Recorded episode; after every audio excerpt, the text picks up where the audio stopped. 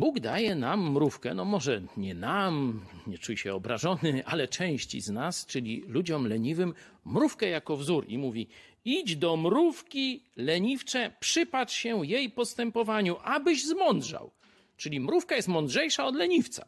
I później mówi, nie ma wodza, nie ma nadzorcy, a jednak wie, co robić, i tak dalej, i tak dalej. Czyli sam Bóg pokazuje, że ten maleńki, maleńkie żyjątko, które mózgu ma naprawdę niewiele, zobaczcie, jest mądrzejsze od niektórego człowieka. Ale to nie koniec problemu. No bo naukowcy myślą, skąd ta mrówka taka mądra? O!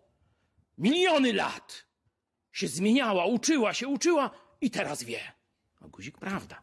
Nauka pokazuje, że ewolucja mrówki praktycznie nie zachodzi. Tak jak mamy pierwsze mrówki gdzieś w jakichś skamieniałościach, tak są i do dzisiaj. Czyli nie ewoluowały. Hm, co z tym fantem zrobić?